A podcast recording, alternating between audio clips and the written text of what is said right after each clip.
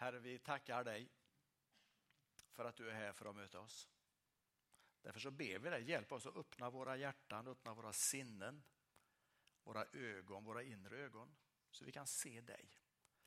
Men också ber vi att du ska öppna våra ögon så vi kan se varandra och omsätta det du säger till oss i praktiken.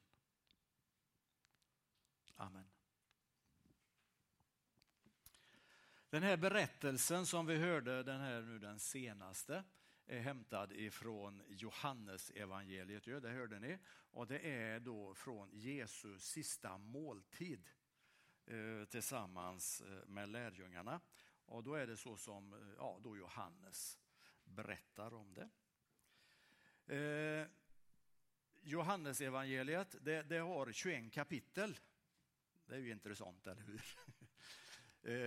och eh, I Johannesevangeliet berättar om eh, Jesu tre år som han är verksam. Det är från Johannesevangeliet eller det är det som gör att vi vet att Jesus var verksam ungefär tre år. Eh, 21 kapitel på tre år.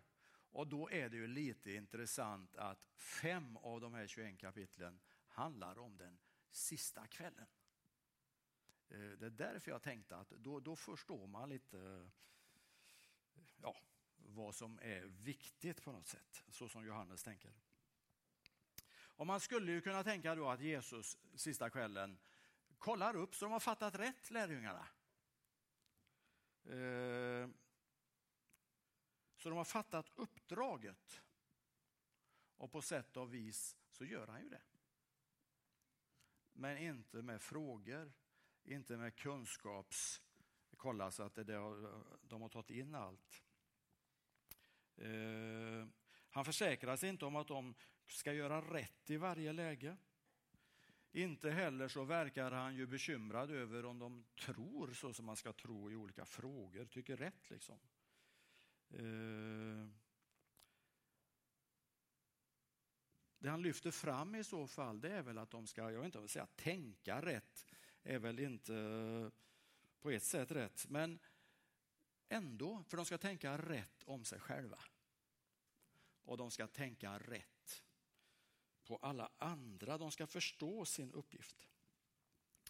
När Lukas evangeliet berättar om den här sista måltiden så berättar han att de började tvista om vem av dem som var den största. Alltså den här frågan, vem är jag högre i rang än dig? Och vem av oss är den lägste? Det samtalet fanns eh, enligt Lukas. Och kanske är det ofta så vi tänker om varandra, att vi försöker rangordna varandra.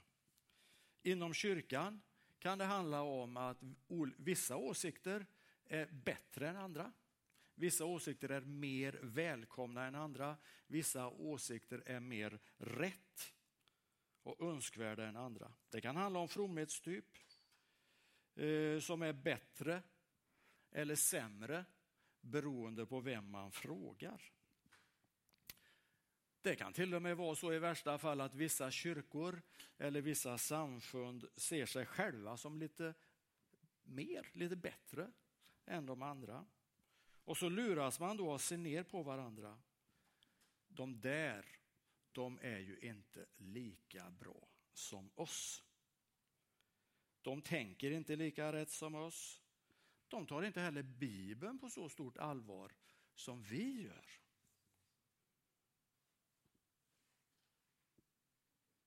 Kanske är det sådana frågor som hänger i luften vid sista måltiden. När Jesus plötsligt stiger upp från bordet och knyter en handduk runt livet och så börjar han tvätta lärjungarnas fötter. Och jag tänker mig att det blir väldigt pinsamt. För det är ju inte så det ska vara. Och jag tänker mig också att det finns någon bland lärjungarna som tittar på någon och tycker, det där borde ju du ha gjort. Du är lägst. Eller något sånt. Eh. De tycker det är inte deras lärare, det är inte deras mästare, det är inte den de följer som ska behöva göra det jobbet. Och vi förstår inte den här berättelsen fullt ut.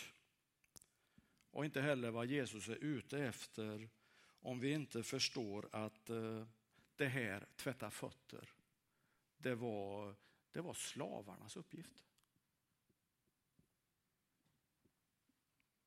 I alla fall framförallt de slavar som inte var judiska. Och genom att utföra de här uppgifterna så gör Jesus sig själv till slav.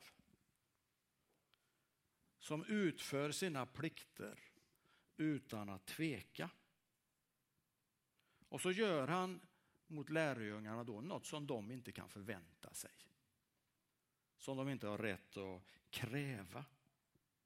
Han är inte skyldig dem någonting på det sättet, men för det är ju han som är deras lärare. Men så visar han för dem ett annat sätt att tänka.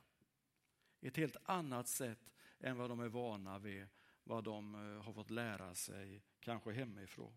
För det handlar inte i hans tänkande om att hävda sina egna rättigheter. När Jesus tvättar fötter så kliver han så långt ner man kan komma. Och så talar han i texten om tjänare. Och de flesta översättningar när man översätter Nya testamentet till olika språk, inte bara svenska utan de flesta språk, så använder man just ordet tjänare. Grekiska ordet är doulos. Doulos är ett adjektiv som har betydelse egentligen att vara ofri. Till skillnad mot de som var fria. Så det handlar om att vara slav, att vara kopplad till en herre.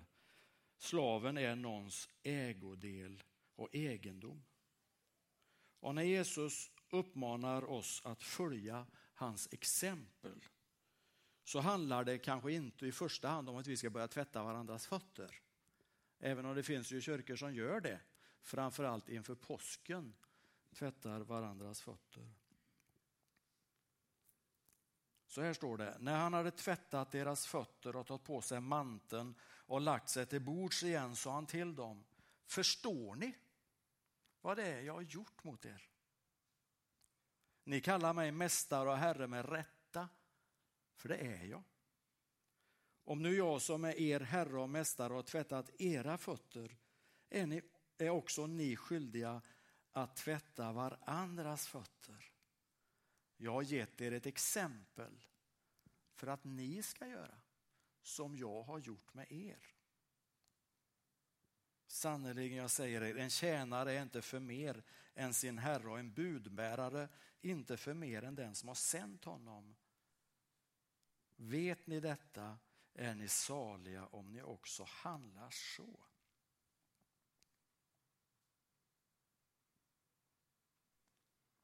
Om du fanns där i rummet, vad tror du du skulle tänka?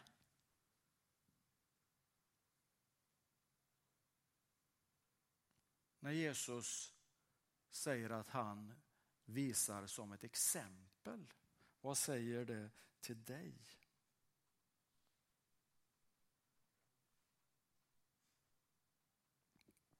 Det Jesus gör är ju att han sätter fokus på andra.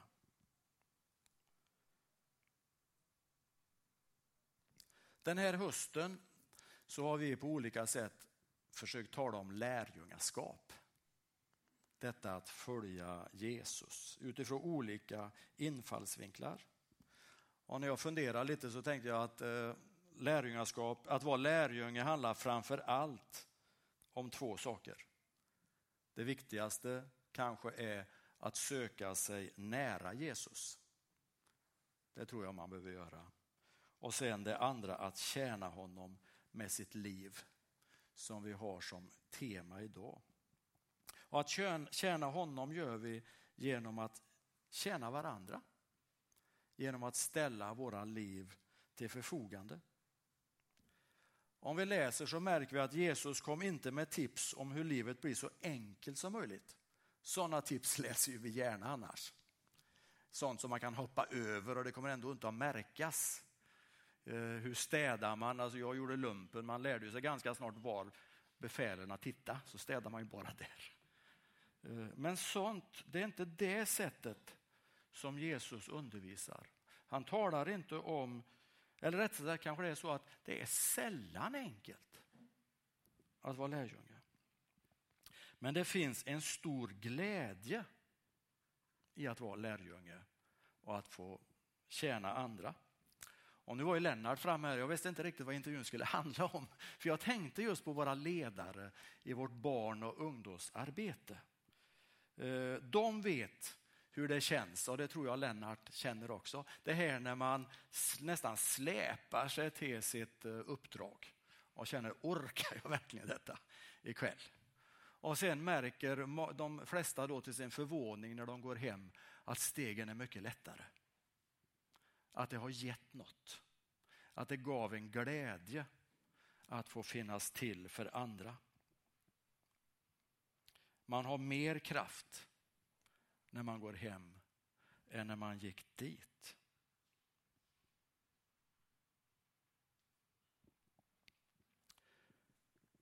När Jesus tvättar lärjungarnas fötter, jag tror inte att det var så att det kanske var, det kan det ju ha varit, det kan ju ha varit ett plötsligt infall.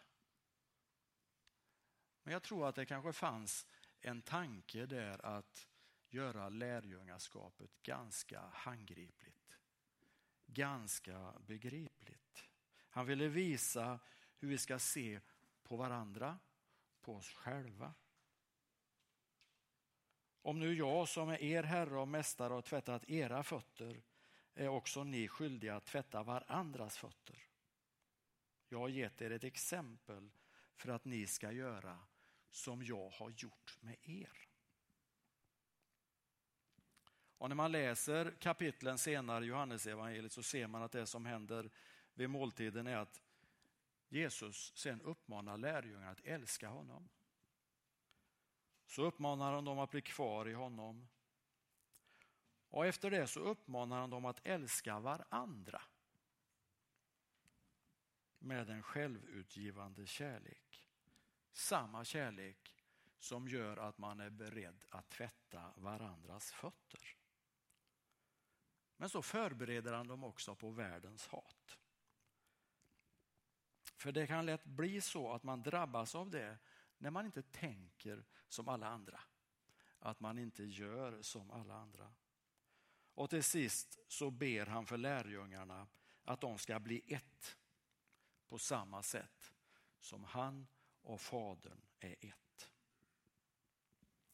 Och som kyrka, som församling, så är vi en enda kropp. Vi hör ihop och då spelar det ju ingen roll vilken samfundstillhörighet vi har.